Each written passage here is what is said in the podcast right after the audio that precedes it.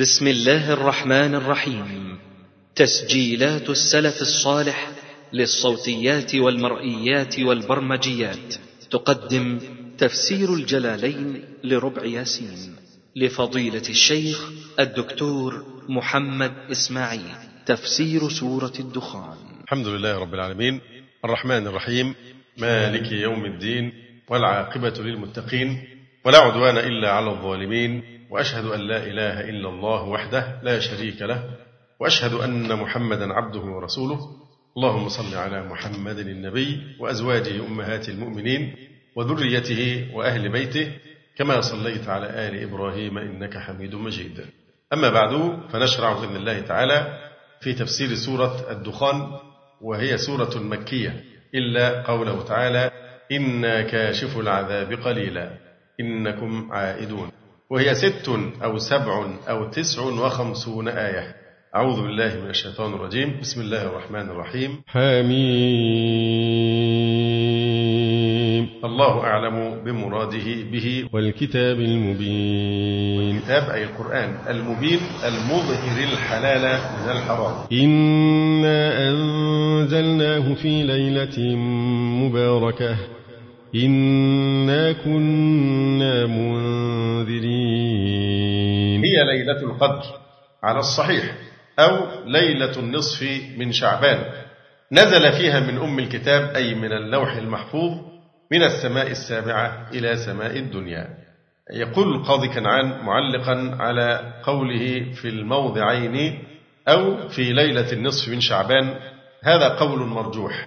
والصحيح أن الليلة المباركة هي ليلة القدر وليست ليلة النصف من شعبان. ولقد أحسن القاضي أبو بكر ابن العربي رحمه الله تعالى القول في ذلك بما فيه الكفاية. قال رحمه الله وجمهور العلماء على أنها ليلة القدر وفيهم من قال إنها ليلة النصف من شعبان. وهو باطل لأن الله تعالى قال في كتابه الصادق القاطع شهر رمضان الذي أنزل فيه القرآن. فدل على أن ميقات نزوله رمضان ثم عين من زمانه الليلة هنا بقوله في ليلة مباركة يعني في ليلة مباركة من ليالي رمضان. فمن زعم أنه في غيره فقد أعظم الفرية على الله. وليس في ليلة النصف حديث يعول عليه لا في فضلها ولا في نسخ الآجال فيها فلا تلتفتوا إليها. انتهى كلام القاضي أبي بكر ابن العربي. هذا ولم يرد في فضل قيام ليلها على الخصوص أو صيام نهارها حديث يعتد به. فليس تخصيص نهارها بالصيام سنة كما يظن عامة الناس. وطبعا هذا التعبير تعبير دقيق. تخصيص نهارها بالصيام. يعني أن الإنسان يصوم يوم الخامس عشر من شعبان بسبب ما روي في فضل هذا اليوم بالذات. فهو لا يصومه لخصوصه لأنه الخامس نصف شعبان. لكن يصومه لسبب آخر اللي هو أنه من أيام البيض الثالث عشر والرابع عشر والخامس عشر. يصوم لكن ليس تخصيصا له وإنما يصوم معه اليومين الآخرين لما ثبت من صيام ثلاثة أيام من وسط كل شهر. فلم يرد في فضل قيام ليلها على الخصوص أو صيام نهارها حديث يعتد به فليس تخصيص نهارها بالصيام سنة كما يظن عامة الناس. وأقوى ما جاء في فضلها ما رواه الطبراني وابن حبان في صحيحه عن معاذ بن جبل رضي الله عنه. عن النبي صلى الله عليه وسلم قال يطلع الله إلى جميع خلقه ليلة النصف من شعبان فيغفر جميع خلقه إلا لمشرك أو مشاح أي مقاطع أخاه. كما يطلع سبحانه كل ليلة على عباده. وكذلك الدعاء المشهور بين العامة اللهم يا ذا المن ولا يمن عليه إلى آخره فإنه غير ثابت وفيه ما لا يجوز من الدعاء.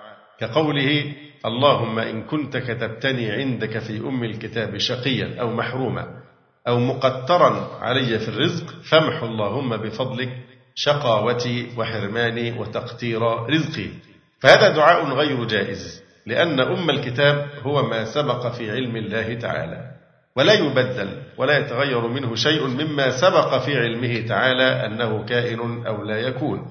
وأما الاستدلال بعد هذا الدعاء بقوله تعالى يمحو الله ما يشاء ويثبت فهو استدلال غير صحيح.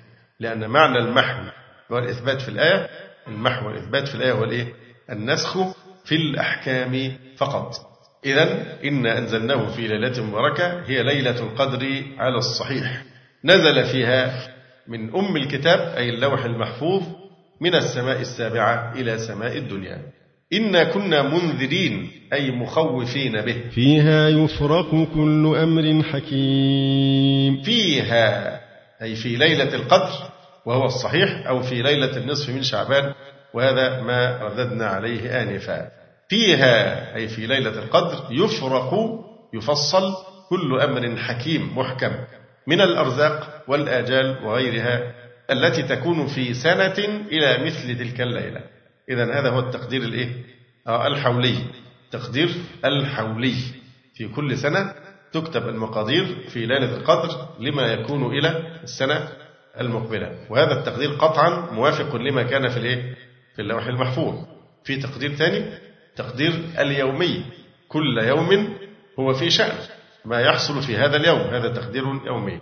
فيها يفرق يفصل كل أمر حكيم محكم من الأرزاق والأجال وغيرها التي تكون في سنة إلى مثل تلك الليلة. أمرا من عندنا إنا كنا مرسلين. أمرا من عندنا فرقا أمرا فرقا من عندنا إنا كنا مرسلين. أي مرسلين الرسل محمدا صلى الله عليه وسلم ومن قبله. رحمة من ربك إنه هو السميع العليم. رحمة من ربك رأفة بالمرسل إليهم من ربك إنه هو السميع لأقوالهم العليم بأفعالهم. ما إعراب رحمة؟ ممكن يعني إن كنا مرسلين رحمة من ربك إما أنها تكون مفعولا لأجله أو مصدرا رحمنا رحمة. أو مفعول إيه؟ مرسلين رحمة لاسم الفاعل مرسلين رحمة يبقى مفعول به لاسم الفاعل مرسلين رحمة. رب السماوات والأرض وما بينهما إن كنتم موقنين. ربي إعرابها في في الإعراب حاجة اسمها بدل وخلاص ولا تقول بدل من إيه؟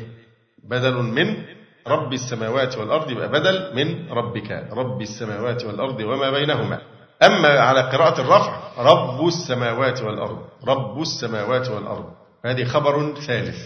رب السماوات والأرض وما بينهما إن كنتم يعني يا أهل مكة موقنين بأنه تعالى رب السماوات والأرض. فأيقنوا بأن محمدا رسوله صلى الله عليه وسلم. إذا أين جواب الشرط؟ إن كنتم موقنين؟ الجواب محذوف تقديره فأيقنوا بأن محمدا رسوله صلى الله عليه وسلم. لا إله إلا هو يحيي ويميت ربكم ورب آبائكم الأولين. لا إله إلا هو يحيي ويميت ربكم ورب آبائكم الأولين. ثم يقول تعالى بل هم في شك يلعبون. يعني الآية التي قبلها إن كنتم موقنين لا إله إلا هو. بل هم في شك يلعبون.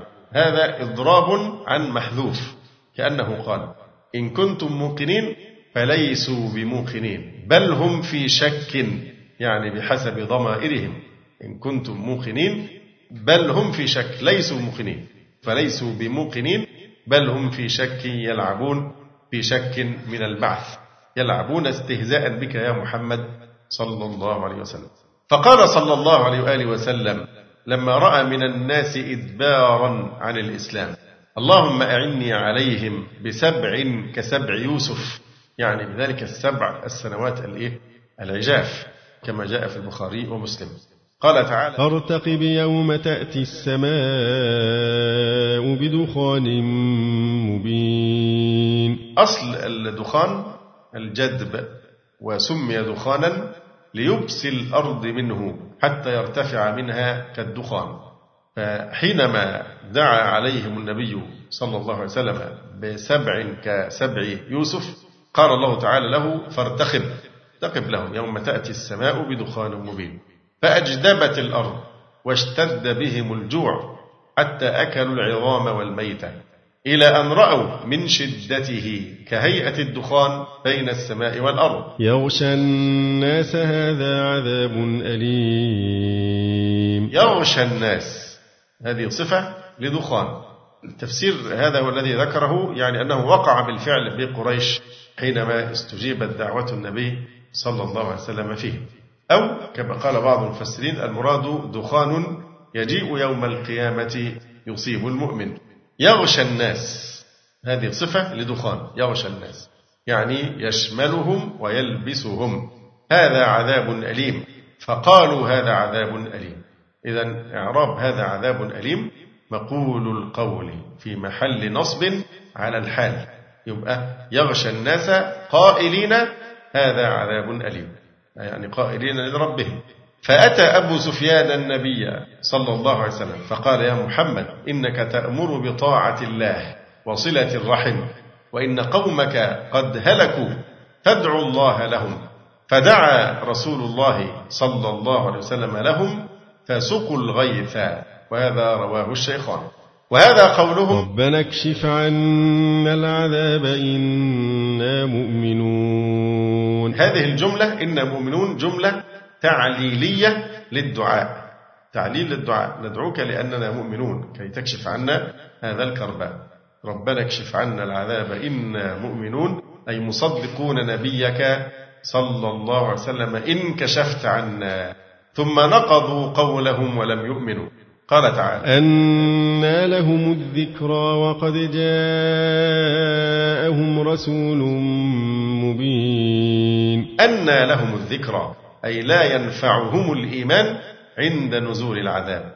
أن اسم استفهام بمعنى كيف وهي في محل نصب على الظرفية وهو في محل رفع خبر مقدم.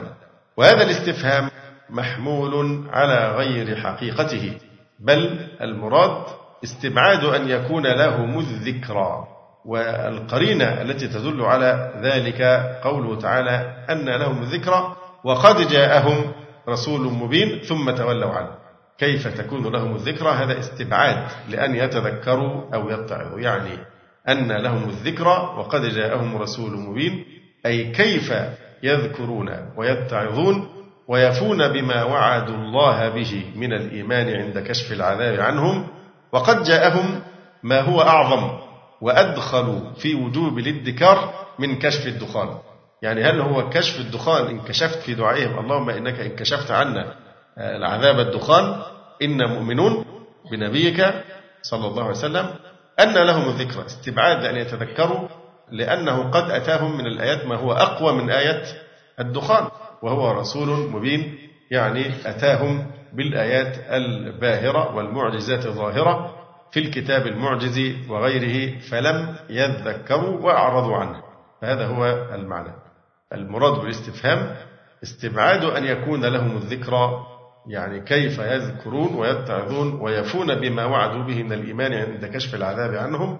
وقد جاءهم ما هو أعظم وأدخل في وجوب الادكار من كشف الدخان وهو ما ظهر من الآيات على يد رسول الله صلى الله عليه وسلم.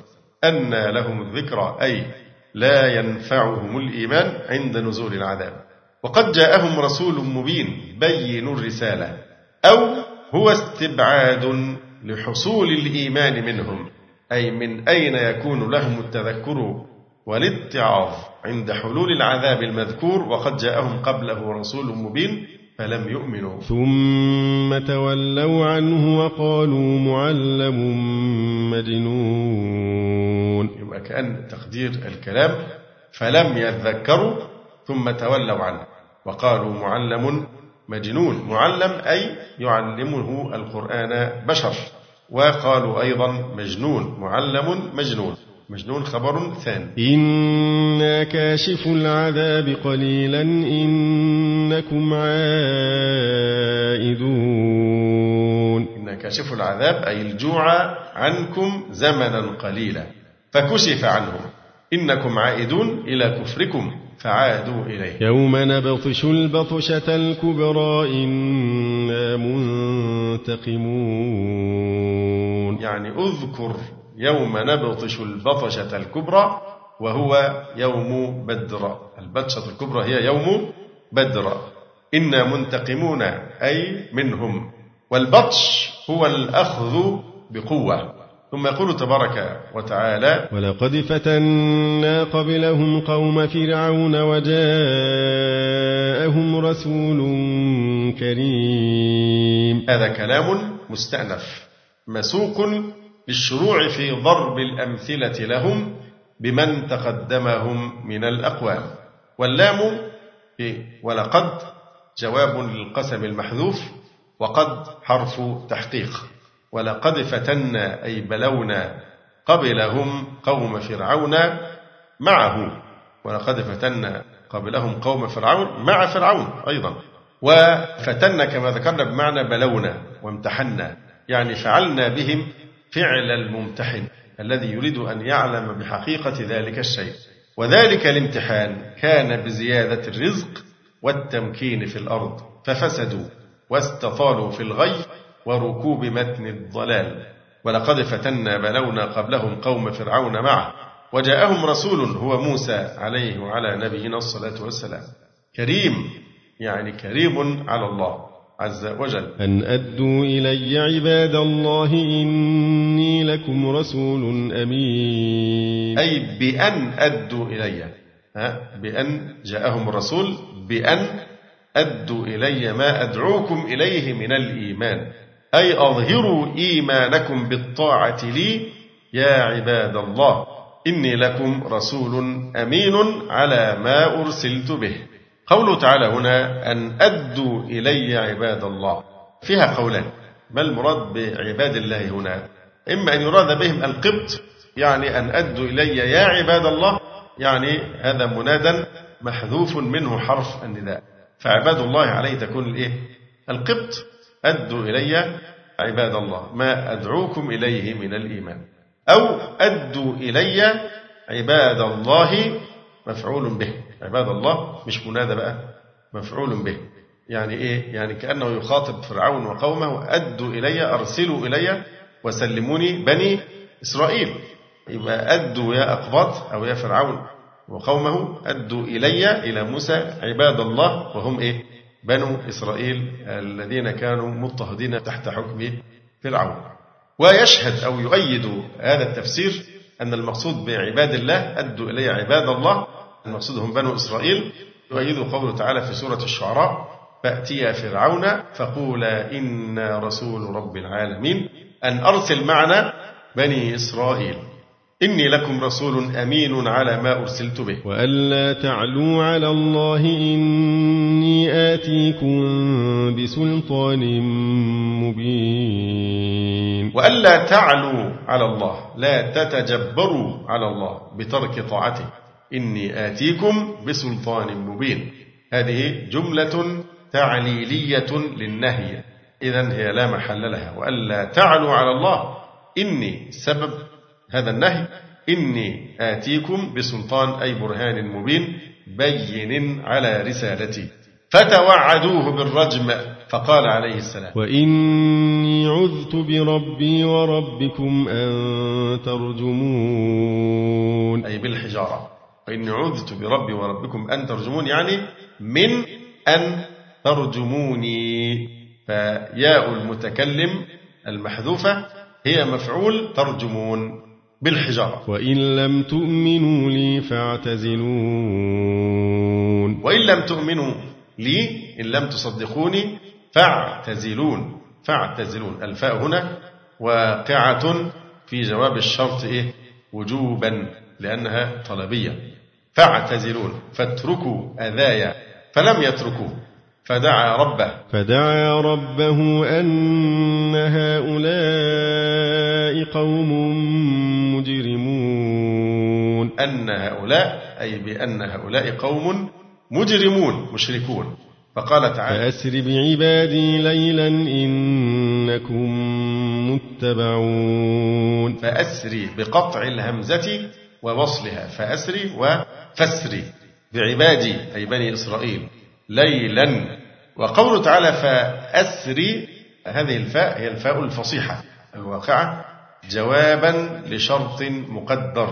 يعني كأنه قال إن كان الأمر كما تقول فأسر بعبادي. فأسر بعبادي بني إسرائيل ليلا إنكم متبعون. يتبعكم فرعون وقومه. إذا جملة إنكم متبعون جملة تعليل للأمر بالترك. هو يأمره هنا إيه؟ بالترك. يأمره بالترك. إنكم متبعون أو هي يعني فأسر بعبادي ليلا إنكم متبعون فإنكم متبعون جملة تعليلية لهذا الأمر بالإسراء يعني أن يترك مصر. متبعون يتبعكم فرعون وقومه. واترك البحر رهوا إنهم جند مغرقون. واترك البحر رهوا يعني إذا قطعته أنت وأصحابك فاترك البحر. بعد ما تمر اتركه. أولا نشرح معنى كلمة رهوا فيها احتمالان. رهو. رهو يقال رهى البحر أي سكن. فالرهو هو الساكن. يبقى واترك البحر رهوا يعني واترك البحر ساكنا. قال الأعشى.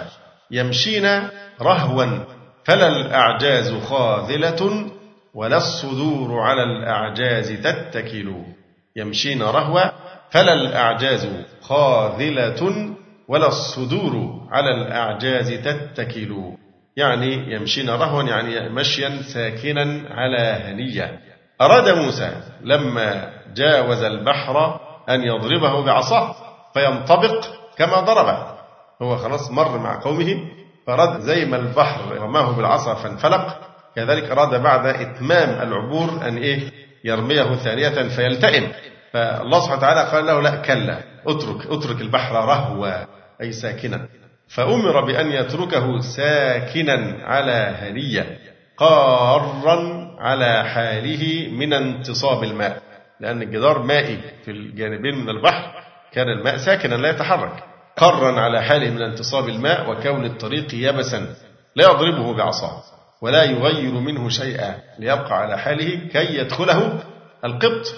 فإذا حصلوا فيه أطبقه الله عليهم. فمن ثم أمر الله أن يترك ضرب البحر بعصاه بعد إتمام المرور. هذا هو التفسير الأول. رهوا أي ساكنا. التفسير الثاني واترك البحر رهوا. والرهو بالمعنى الآخر هو الفجوة الواسعة. وعن بعض العرب أنه رأى جملا فالجا فالجا. فقال سبحان الله رهو بين سنامين يعني فجوة. بين سنامين فقوله تعالى واترك البحر رهوا يعني اتركه على حاله منفرجا. يقال رهى بين رجليه يعني فتح بين رجليه. واترك البحر إذا قطعته أنت وأصحابك رهوا ساكنا منفرجا. حتى يدخله القبط فرعون وجنوده ولا تضربه بعصاك ليلتئم إنهم جند مغرقون فاطمأن بذلك فأغرقوا. كم تركوا من جنات وعيون؟ كم هنا خبرية في محل نصب مفعول مقدم لتركوا. والكلام هنا مرتبط بمقدر لا بد منه ليلتئم نظام الكلام. والتقدير فاطمأن موسى بذلك حينما قال له تعالى واترك البحر رهوا إنهم جند مغرقون. فاطمأن موسى لذلك فتم إغراقهم. يقول تعالى كم تركوا؟ تركوا بعد غرقهم. فهذا هو المعنى. إذا هذا الكلام مرتبط بمقدور لا بد منه ليلتئم نظام الكلام والتقدير. فاطمأن موسى بذلك فتم إغراقهم. كم تركوا من جنات وعيون؟ كم تركوا من جنات أي بساتين وعيون تجري وكم للتكثير أي تركوا كثيرا من ذلك؟ وزروع ومقام كريم. مجلس حسن. فالمقصود بالمقام الكريم محافلهم الهانئة التي كانوا يلتفون فيها. ونعمة كانوا فيها فاكهين. ونعمة متعة. نعمة هنا هي من باب العطف العام على الخاص لأن النعمة تشمل جميع ما تقدم وتشمل أيضا غيره مما لم يذكر. فمن ثم قلنا هذا العطف هنا عطف العام على الخاص. ونعمة أي متعة كانوا فيها فاكهين أي ناعمين. فالفاكهين أو الفاكهون هم طيبو الأنفس. أو فاكهين أصحاب فاكهة. مثل إيه؟ لاب وتامر وفاكه. لابن يعني صاحب لبن تامر صاحب تمر. كذلك فاكه صاحب فاكهة. فاكهين أي ناعمين. كذلك وأورثناها قوما آخرين. كذلك كذلك خبر خبر مبتدأ مقدر يعني الأمر كذلك. كذلك وأورثناها أي أموالهم قوما آخرين أي بني إسرائيل. فما بكت عليهم السماء والأرض وما كانوا منظرين طبعا بخلاف المؤمنين فتبكي عليهم السماء والأرض لعظم المصيبة بفقدهم. وقيل يبكي عليهم بموتهم مصلاهم من الأرض ومصعد أعمالهم من السماء. فما بكت عليهم السماء والأرض وما كانوا منظرين يعني مؤخرين للتوبة. وفيها جواز البكاء على الميت فما بكت عليهم السماء والأرض وما كانوا منظرين فيها جواز البكاء على الميت وإظهار الحزن يعني إذا كانت السماء والأرض تبكي وتحزن لانقطاع عمل المؤمن إذا مات انقطاع صعود عمله إلى السماء فأيضا يجوز البكاء على الميت وإظهار الحزن لفقد الصالحين إظهار الحزن طبعا في الحدود الإيه؟ يعني الشرعية كما قال صلى الله عليه وسلم إن القلب لا يحزن وإن العين لا تدمع ولا نقول إلا ما يرضي ربنا. فهذه ليلة عاشوراء سنة ثمان وعشرين وأربعمائة وألف. ليلة الإيه؟ التطبير. يعني إيه التطبير؟ إذا لم تعرفوا فاحمدوا الله على العافية. أيوه. إيه هو التطبير بقى؟ نعمة الله عليكم أنكم لا تعرفون. لأنكم لو ابتليتم بالرافضة لعرفتم معنى التطبير فهذه اللفظة يعرفها من ابتلاهم الله بمعاشرة هؤلاء الأخباث الضالين. فإنهم يعظمون المصائب جدا ويحيون المصيبة الكبرى بقتل الحسين رضي الله تعالى عنه شهيدا فيبالغون في إظهار الحزن بطريقة غير عادية. وليس من هدي الإسلام تعظيم المصائب بهذه الصورة وإلا فلو كان لابد منها فليكن ذلك على قاصمة القواصم التي أصابت الأمة والتي لن تصاب الأمة بمثلها وهي وفاة النبي صلى الله عليه وسلم. هل من السنة أن نظهر الأحزان ونقيم العزاء والبكاء وكذا وكذا بسبب موت النبي صلى الله عليه وسلم؟ فإذا كنا لا نفعل هذا في موته عليه الصلاة والسلام أو موت شهداء أحد أو موت أبي بكر وعمر والمهاجرين والأنصار ونحو ذلك. فلماذا تخصيص الحسين بالذات بذلك؟ لماذا الحسين بالذات؟ رضي الله تعالى عنه. فالشاهد هذا من غلوهم القبيح وبدعهم التي تنفر منها الفطر يعني السليمة والعقول المستقيمة. فما يفعلونه من ارتداء ملابس بيضاء ويخرجون في التجمعات الضخمة وربما كشفوا عن صدورهم ويمسكون السيوف ويضربون رؤوسهم وصدورهم بالسلاسل وبالسيوف حتى تنزف الدماء وتلطخ يعني أجسادهم. لا يرحمون صغيرا حتى الأطفال يفعلون بهم ذلك. وترى صورة الطفل الدماء تلطخ ثيابه وتغمر وجهه قاتلهم الله. فهذا من ضلالهم المبين. وإن أتت فرصة سنتكلم عن هذا إن شاء الله تعالى بالتفصيل. فليس هذا من الإسلام في شيء إطلاقا. إظهار الحزن بهذه الطريقة العجيبة. ويقيم العزاء العزاء في الحسين. لحد 1428 بياخذوا العزاء في قتل الحسين رضي الله تعالى عنه. ويبكوا وينوحوا. وبعدين بيشتغلوا زي بتبقى زي آلات. نشوفهم مثلا في الحرم أما يقعدوا ينوحوا كده ويبكوا على طول يروحوا. ما أعرفش عندهم قدرة عجيبة على البكاء. عجيبة. إزاي المكنة دي تشتغل؟ تطلع دموع. وبعدين أول ما بيخلص يروح يطلع المنديل ويمسح ولا كأن في حاجة. خلاص انتهى الدور اللي كانوا بيمثلوه. وكان بعض الإخوة كان في صورة مسجد قاعدين ينوحوا كده برضو على الحسين وكذا واحد من شيوخهم قاعد وقاعد عادي جدا لا مبالي وبيبص كده من الجنب فأول ما شاف الكاميرا بتقرب بحيث راح قاعد إيه يجتهد في البكاء بصورة عجيبة جدا. فقاتلهم الله. الشيعة محنة على الأمة في الحقيقة الشاهد يعني أن إظهار الحزن يعني على فقد الصالحين هذا شيء طبيعي وشيء فطري لكن الغلو بهذه الصورة بيعملوا كمان تمثيلية قتل الحسين. يعملوها تمثيل. وبعدين بيجي رجالة يلبسون ملابس النساء فكان علماؤهم يقولوا لا ما ده ما ينفعش وكده. فدلوقتي طلعت فتوى جديدة قالوا لا إحنا دلوقتي رجعنا عن الفتوى دي بعض علمائهم يعني.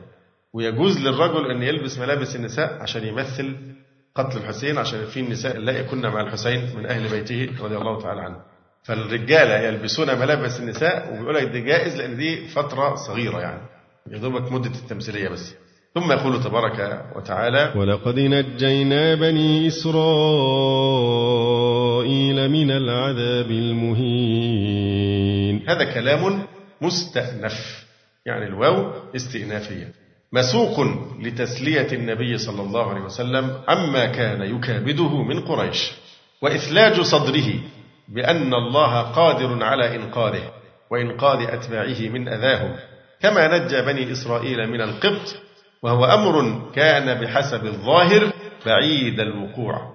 ولقد نجينا الواو كما قلنا استئنافية وقد حرف تحقيق واللام جواب للقسم المحذوف.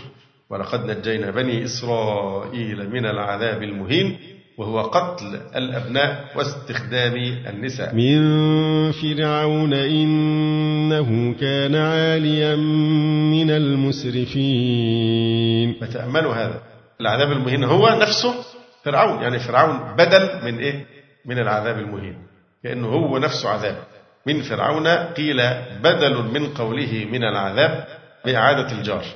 يعني يبقى من العذاب المهين من فرعون. يبقى بدل من العذاب بإعادة حرف الجر وقيل من فرعون بدل من العذاب بتقدير إيه؟ مضاف. أي من عذاب فرعون. يعني على القول الأول كأن فرعون في نفسه كان عذابا مهينا لما كابدوه منه من عذاب وإهانة. إنه كان عاليا من المسرفين. إنه كان عاليا. ما إعراب من المسرفين؟ إنه كان عاليا من المسرفين. من المسرفين خبر ثان لكان. من المسرفين أي متجبرا من الكافرين. وهذه الجملة إنه كان عاليا من المسرفين. هل لها محل من الإعراب؟ لماذا؟ لأنها جملة تعليلية فلا محل لها من الإعراب. ولقد اخترناهم على علم على العالمين. ولقد اخترناهم أي بني إسرائيل على علم منا بحالهم على العالمين أي عالم زمانهم العقلاء من الإنس والجن. ولقد اخترناهم أي بني إسرائيل على علم بمعنى مع على هنا بمعنى مع يعني ولقد اخترناهم مع علمنا أنهم يزيغون وتفرط منهم الفرطات على علم منا بحالهم على العالمين ليست على إطلاقها وإنما العالمين إيه؟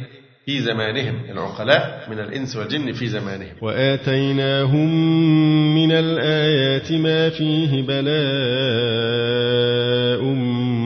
مبين. نعمة ظاهرة من فلق البحر وإنزال المن والسلوى وغيرهما.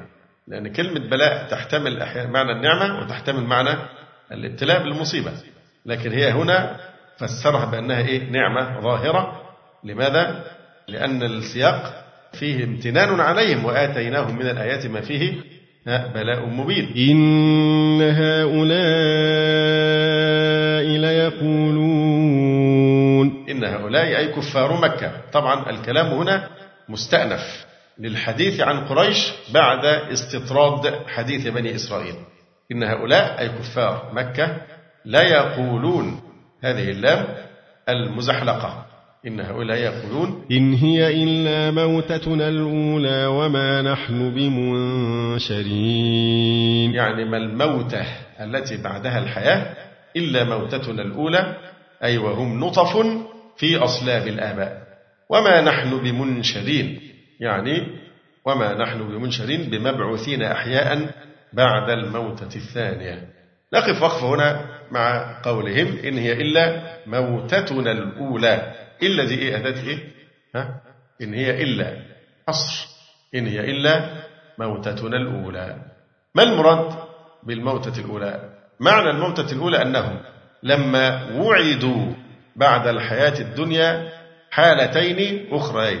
يعني بعد الدنيا هناك حالتان أخريان. الحالة الأولى هي الإيه؟ الموت. والحالة الثانية الأخرى هي حياة الإيه؟ البعث. فهم أثبتوا الحالة الأولى إن هي إلا موتتنا الأولى اللي هي الحالة الأولى حالة الموت ونفوا ما بعدها. سموها أولى إن هي إلا موتتنا الأولى مع أنهم يعتقدون ألا شيء بعدها لا بعث ولا نشور. لأنهم نزلوا جحدهم على الإثبات فجعلوها أولى على ما ذكرت لهم. يعني زي ما أنتم بتسموها موتتنا الأولى فإحنا استعملنا نفس الإيه؟ الوصف مع أنهم لا يؤمنون بوجود الحالة الأخرى وهي حالة البعث والنشور. وهذا أولى من حمل الموتة الأولى على السابقة على الحياة الدنيا. لا ينبغي أن تفسر إن هي إلا موتتنا الأولى اللي هي حالة؟ العدم قبل الموتة اللي هي السابقة على الحياة الدنيا. لماذا؟ ولذلك كنا فسرها بهذا التفسير. قال وهم نطف في أصلاب الآباء. كانوا موتى. أو الحالة السابقة على الحياة الدنيا. إيه الدليل على ذلك أمران؟ الأول أن الاقتصار عليها لا يعتقدونه. يعني لو كانت الموتة الأولى اللي هي موتة العدم يلزم من هذا أنهم لا يؤمنون بالموتة اللي هي بعد الحياة الدنيا. صحيح؟ يعني لو كان يقصدوا إن هي إلا موتتنا الأولى يعني قبل أن نولد أو قبل أن نخلق ونحن في أرحام الآباء موتة فلو كانت هذه الموتة الأولى يبقى معناها سياق الكلام إيه؟ إحنا مش هنموت غير الموتة الأولى، مع ذلك أنهم كانوا يعتقدون أنهم سوف يعيشون في الدنيا إلى الأبد، هل هم يعتقدون ذلك؟ كلا، لأن الدليل الحس والمشاهدة أن الناس جميعا لابد من أن يموتوا هذه الموتة، إذا الاقتصار عليها على الموت اللي هي قبل هذه الدنيا لا يعتقدونه، لماذا؟ لأنهم يثبتون الموت الذي يعقب حياة الدنيا وحمل الحصر المباشر للموت في كلامهم على صفة تذكر لا على نفس الموت المشاهد لهم فيه عدول عن الظاهر بلا حجة. يعني إيش معقولة هم يقولوا آه، إن هي إلا موتتنا الأولى اللي هي كانت قبل كده. مع ذلك إن ما فيش موت بعدها. يعني ما فيش موت في الدنيا. وهذا هم لا يعتقدونه. والدليل دليل واضح. المشاهدة والحس. هم يرون أنهم جميعا إيه؟ يموتون. فهذا فيه عدول عن الظاهر بلا حجة. الدليل الثاني أن الموت السابق على الحياة الدنيا لا يعبر عنه بالموتة فإن الموتة فعلة فيها إشعار بالتجدد والطريان. طريان يعني الطروء طروء والحدوث. والموت السابق على الحياة الدنيا أمر مستصحب. لم تتقدمه حياة طرأ عليها. مع أن في بقية السورة قوله تعالى لا يذوقون فيها الموت إلا الموتة الأولى. الموتة الأولى هي الموتة فين؟ في الدنيا. وإنما عنا بالموتة الأولى هنا الموت المتعقب للحياة الدنيا فقط. فنستطيع أن نستدل أيضا بلفظة الموتة الأولى وهي موجودة في آخر السورة في وصف أهل الجنة. لا يذوقون فيها الموتة إلا الموتة الأولى. اللي هي ذاقوها متى؟ بعد الحياة الدنيا. هذا فيما يتعلق بقولهم إن هي أي ما الموتة التي بعدها الحياة إلا موتتنا الأولى أي وهم نطف في أصلاب الآباء. إذا هذا التفسير إيه؟ مرجوح. والراجح أن الموتة الأولى هي الموتة التي يموتونها في الدنيا بعد انتهاء أجلهم. إذا لماذا سموها أولى؟ هل يلزم من تسميتها أولى؟ أنهم يعتقدون أنك حالة أخرى؟ لا لا يلزم ذلك بل هم يعني كأنه يقول إيه؟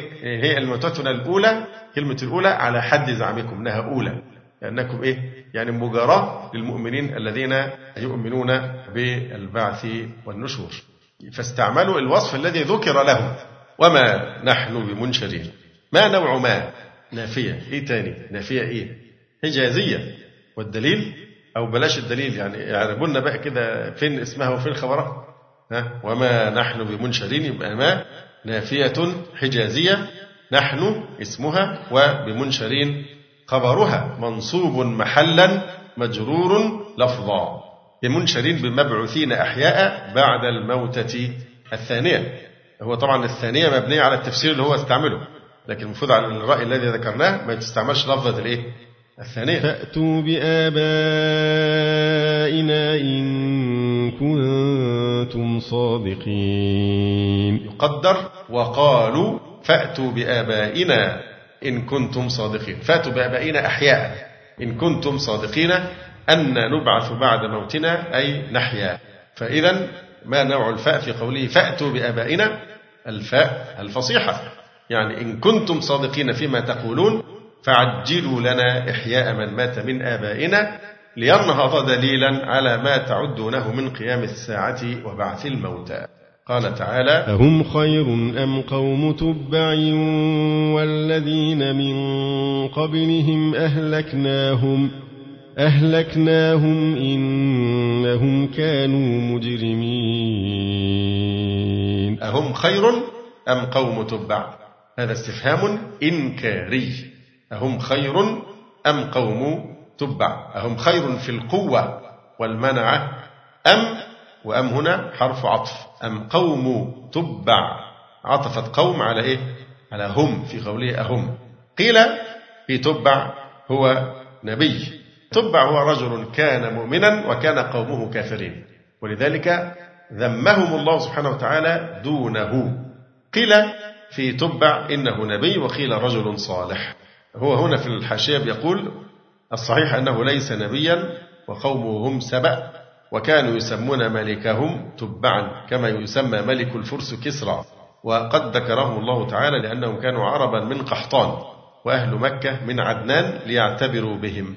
وكان تبع كافرا ثم أسلم إلى آخره وتابع دين الكليم موسى عليه السلام على يدي من كان في ذلك الزمان على الحق قبل بعثة المسيح عليه السلام. توفي قبل بعثة النبي صلى الله عليه وسلم بسبعمائة سنة وهذا نقله عن تفسير ابن كثير في تصرف.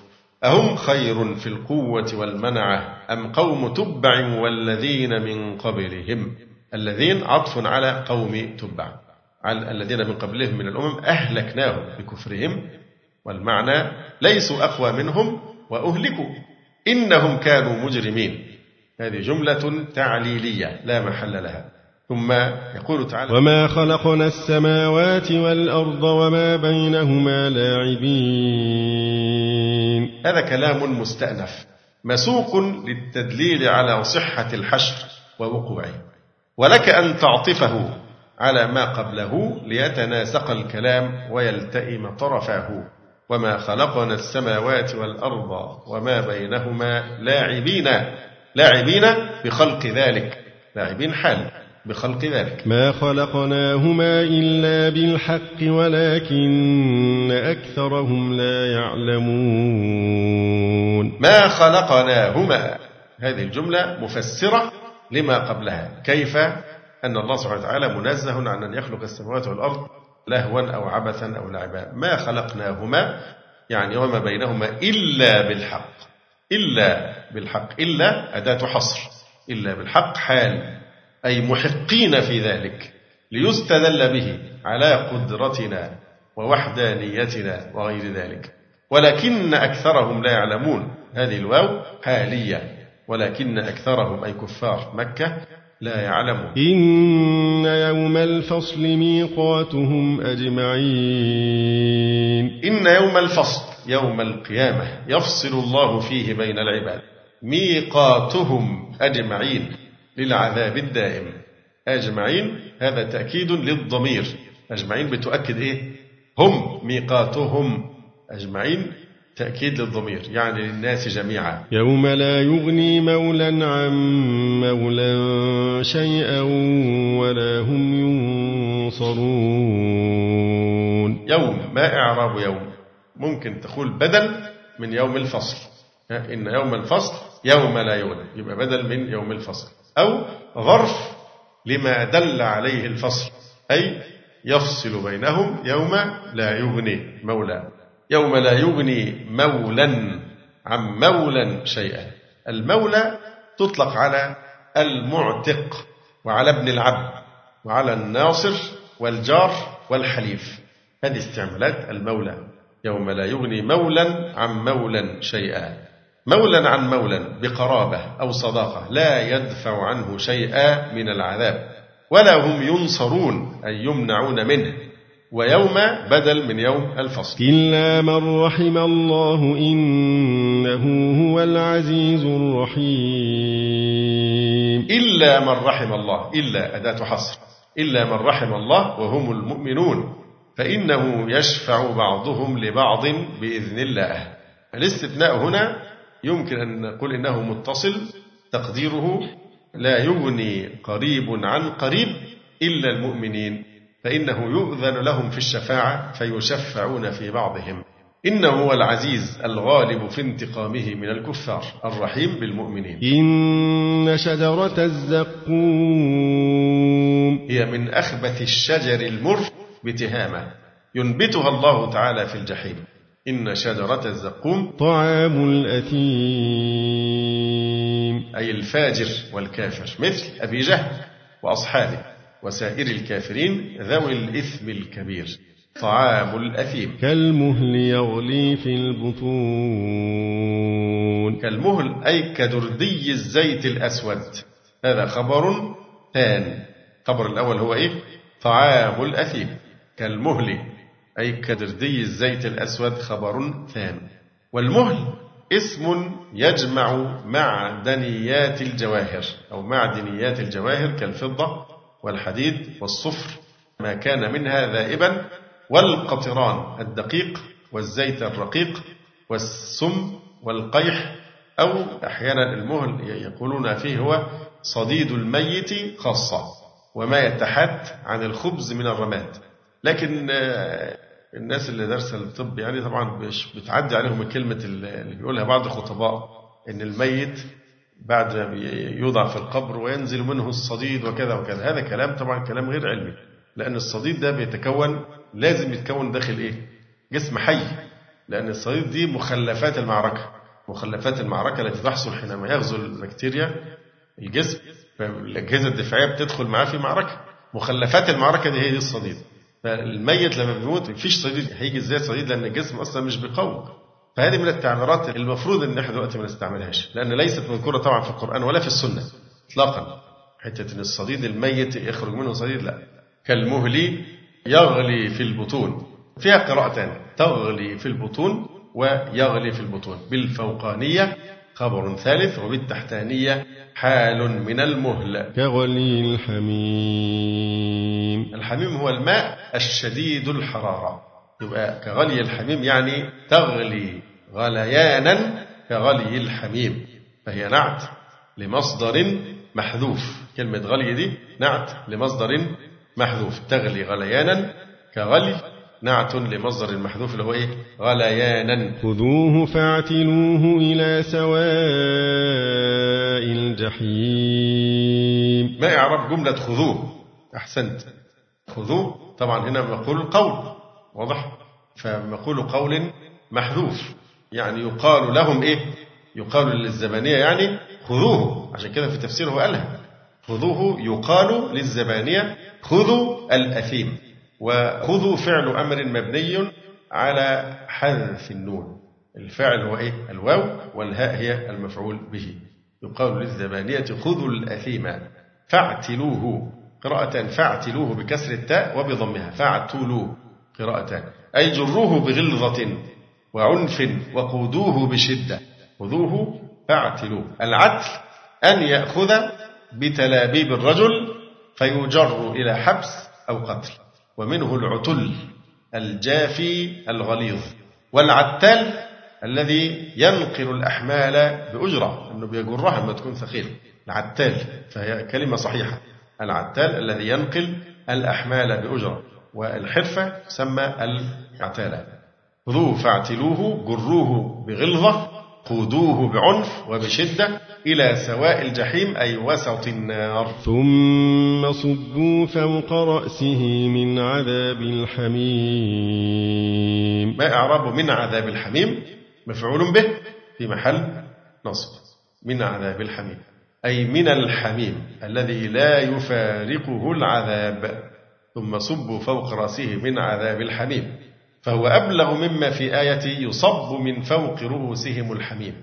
أما هنا فقال ثم صبوا فوق رأسه من عذاب الحميم. يعني شبه العذاب بالمائع ثم خيل له الصب. أو أن الحميم نفسه لا يفارقه العذاب. الحميم لا يفارقه العذاب أبدا. لذلك قال ثم صبوا فوق رأسه من عذاب الحميم. أي من الحميم الذي لا يفارقه العذاب. فهو أبلغ مما في آيتي يصب من فوق رؤوسهم الحميم. ذق إنك أنت العزيز الكريم. ذق أيضا مقول القول يعني ويقال له ذق أي العذاب. إنك أنت العزيز الكريم بزعمك وقولك ما بين جبليها أعز وأكرم مني. وقائل ذلك هو أبو جهل. ما نوع البلاغة في قوله تعالى ذق إنك أنت العزيز الكريم. فيها فن الإيه؟ ذق. إنك أنت العزيز الكريم. فن. التهكم. فن التهكم. وهو عبارة عن الإتيان بلفظ البشارة في موضع النذارة والوعد في مكان الوعيد. تهاونا من القائل بالمقول له واستهزاء به. مثل قوله تعالى بشر المنافقين. بشر المنافقين بأن لهم عذابا أليما وهو أغيظ للمستهزأ به وأشد إيلاما له. ذق إنك أنت العزيز الكريم.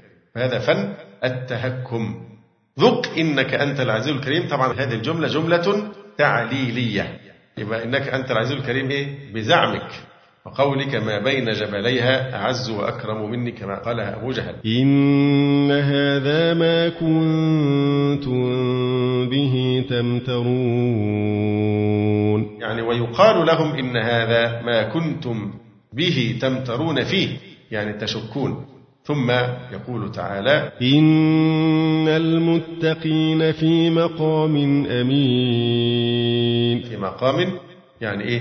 في مجلس أمين يؤمن فيه الخوف. في جنات وعيون. يبقى في جنات بدل من إيه؟ من في مقام. طبعا بتكرار بإعادة الجار. في مقام في جنات. يبقى في جنات بدل من جنات بساتين. وعيون. يلبسون من سندس وإستبرق متقابلين. السندس ما رق من الديباج. الحرير الإيه؟ الرقيق. ما رق من الديباج. أما الاستبرق فهو ما غلظ منه الغليظ. فالاستبرق الديباج الصفيق. الغليظ الحسن. تعريب استبره هي كلمة فارسية استبره قال الزمخشري فإن قلت كيف ساغ أن يقع في القرآن العربي المبين؟ لفظ أعجمي. قلت إذا عرب خرج عن أن يكون أعجميا لأن معنى التعريب أن يجعل عربيا بالتصرف فيه وتغييره عن منهاجه وإجرائه على أوجه الإعراب. يعني كما هنا فكلمة استبرق معربة من أصلها الفارسي استقره بالهاء. يلبسون من سندس واستبرق متقابلين. حال متقابلين دي حال أي لا ينظر بعضهم إلى قفا بعض لدوران الأسرة بهم. إخوانا على سرر متقابلين. فهذا أدوم للسرور والسعادة. لذلك لو تلاقوا أسرة مؤتلفة أو مجموعة أصدقاء مسافرين مثلا في القطر والكراسي تبقى اتنين اتنين متجهة لاتجاه الرحلة. بيعملوا إيه بقى؟ بيلف الكرسي عشان يتواجهوا لأن في بينهم مودة. ولا يليق بمن بينهم آصرة مثلا كأسرة أو أصدقاء أن يجلسوا ينظر بعضهم في أقفاء بعض. وإنما متقابلين كما قال تعالى إخوانا على سرر متقابلين وذلك مما يتنافى مع الأخوة أن يغتاب الإنسان أخاه أو يطعن فيه من خلفه ومن ظهره لأن الأخوة مواجهة وليست غيبة أو أكل لحوم إخوانها أو نحو ذلك. فيتم السرور بالمواجهة. ولذلك حتى في لو في المدارس يعني بيفكروا صح ما يجعلوش التخت بالطريقة اللي بتحصل دي. الصح ان الحلقة التعليمية بتكون إيه؟ دايرة. لأن في الدايرة سيحصل تواصل مع جميع الحاضرين. لكن لما يكون صفوف يحجب بعضهم بعضا. إذا هذا معنى متقابلين أي لا ينظر بعضهم إلى قفا بعض. لدوران الأسرة بهم. كذلك وزوجناهم بحور عين. كذلك يعني الأمر كذلك. كذلك يبقى الأمر كذلك. هي خبر والمبتدأ محذوف تقديره الأمر كذلك. وهذه جملة اعتراضية بين المعطوف اللي هو زوجناهم والمعطوف عليه اللي هو يلبسون جيء بها للتقرير. كذلك وزوجناهم بحور عين. زوجناهم من التزويج أو قرناهم بحور عين. الحور هو البياض. يبقى نساء بيض عين جمع عيناء والعيناء هي واسعة الأعين حسانها. يبقى بحور عين بنساء بيض واسعات الأعين حسانها. يدعون فيها بكل فاكهة آمنين. يدعون فيها. يطلبون الخدم فيها أي الجنة أن يأتوا يعني يطلبون من الخدم أن يحضروا إليهم إيه؟ بكل فاكهة آمنين. بكل فاكهة آمنين من مغبة أكلها. إحنا بالذات هنا يعني كلمة آمنين دي بالذات عندنا حساسية منها لأن في حاجة بيسموها الأمن الغذائي. بس مش الأمن الغذائي هو الأمن الصحة الغذائية. إنك أنت ساعات تاكل دلوقتي أكل وأنت مش آمن هيعمل إيه الأكل ده؟ في المية فيها أملاح. يعني لو تسمع كلام الأطباء يعني هيضيقوا علينا عيشتنا تماما. ما تشربش الشاي بعد اللحمة أو السمك عشان هيكسر الحديد وما تحطش اللبن على البليلة عشان بيكسر مش عارف فيتامين إيه. وما تاكلش عيش أبيض على طول ولا عيش أسود على طول. ما تاكلش خيار لأن الخيار بيمتص المواد الكيماوية اللي هي بيرشوها دي. ما تاكلش الحاجات اللي بتزرع على الطريق الزراعي لأن دي مليانة رصاص من العادم بتاع السيارات. والمية بتاعتنا فيها مش عارف كذا وكذا وكذا. والمية المعدنية برضو ما تنفعش عشان فيها أملاح. طيب إذا الأمن هنا الشعور بالأمن في طعام الدنيا غير مأمون. ما تشعرش بالأمن. فمن نعم الله على أهل الجنة الأمن وهم يأكلون طعام الجنة. فيقول تعالى يدعون فيها بكل فاكهة منها آمنين من انقطاعها ومضرتها أو مغبة أكلها ومن كل مخوف. فكلمة آمنين دي يا رب إيه بقى؟ آمنين حال حال لا يذوقون فيها الموت إلا الموتة الأولى ووقاهم عذاب الجحيم. لا يذوقون فيها الموت البتة بل يحيون فيها أبدا إلا الموتة الأولى إلا الموتة الأولى إلا يعني سوى وهذا التفسير استحسنه ابن عطية أن تفسر إلا بسوى. لا يذوقون فيها الموت إلا يعني سوى الموتة الأولى. أي التي ذاقوها في الدنيا بعد حياتهم فيها. قال بعضهم إلا بمعنى بد بعد يعني لا يذوقون فيها الموت أبدا بعد الموتة الأولى التي ذاقوها بعد حياتهم في الدنيا. إذا الموتة الأولى مستثنى من الموت على أنه استثناء منقطع. يعني بعض العلماء قالوا أن إلا هنا استثناء منقطع بكل معنى إيه؟ لا يذوقون فيها الموت لكن الموتة الأولى قد ذاقوها. كلام هنا على أهل الجنة. فازاي يقول لا يذوقون فيها الموتى إلا الموتة الأولى؟ هيذوقوها؟ إذا كانوا هما في الجنة يبقى منين الموتة الأولى؟ لسه هيذوقوها؟ يبقى هنا لازم نقول إيه؟ التي قد ذاقوها هي دي بس اللي هي ذاقوها في الدنيا. يقول الزمخشري فإن قلت كيف استثنيت الموتة الأولى المذوقة؟ بالأمر الواقع خلاص ذاقوها. قبل دخول الجنة من الموت المنفي ذوقه فيها. كيف تستثنى هذه من تلك؟ الموتة الأولى راحت خلاص في الدنيا وهم دلوقتي في الجنة. فكيف يقال لهم لا يذوقون فيها الموتة إلا الموتة الأولى؟ قلت أريد أن يقال لا يذوقون فيها الموتة البتة. فوضع قوله إلا الموتة الأولى موضع ذلك. يبقى لا يذوقون فيها الموتة البتة. فكلمة إلا الموتة الأولى تساوي البتة. قلت أريد أن يقال لا يذوقون فيها الموت البتة. فوضع قوله إلا الموتة الأولى موضع ذلك لأن الموتة الماضية محال ذوقها في المستقبل. الموتة الماضية في الدنيا محال ذوقها في المستقبل. فهو من باب التعليق بالمحال كأنه قيل إن كان الموتة الأولى يستقيم ذوقها في المستقبل فإنهم يذوقونها في الجنة. هل هذا يقع؟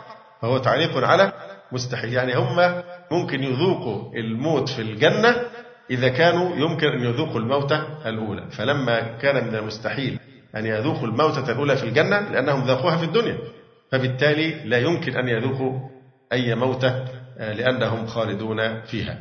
بناء على أن الموتة بدل على طريقة البدل المجوز فيها البدل من غير الجنس.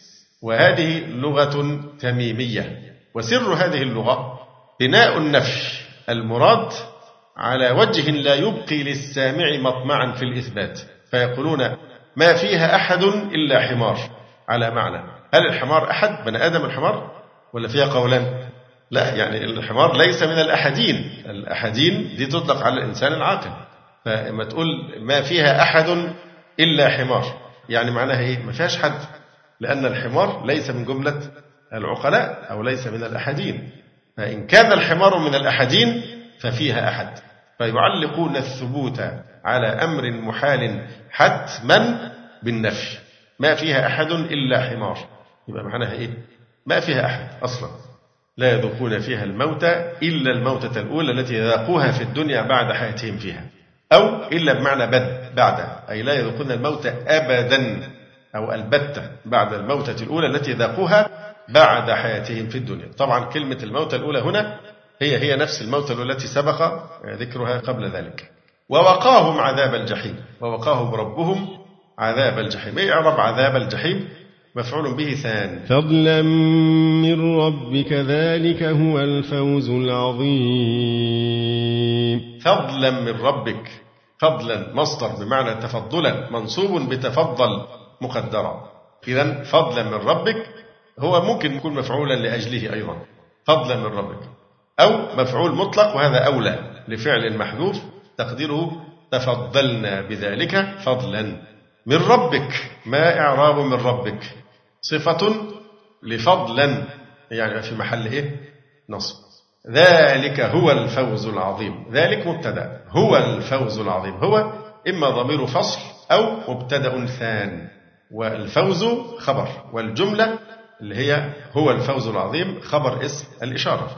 ذلك هو الفوز العظيم. فإنما يسرناه بلسانك لعلهم يتذكرون.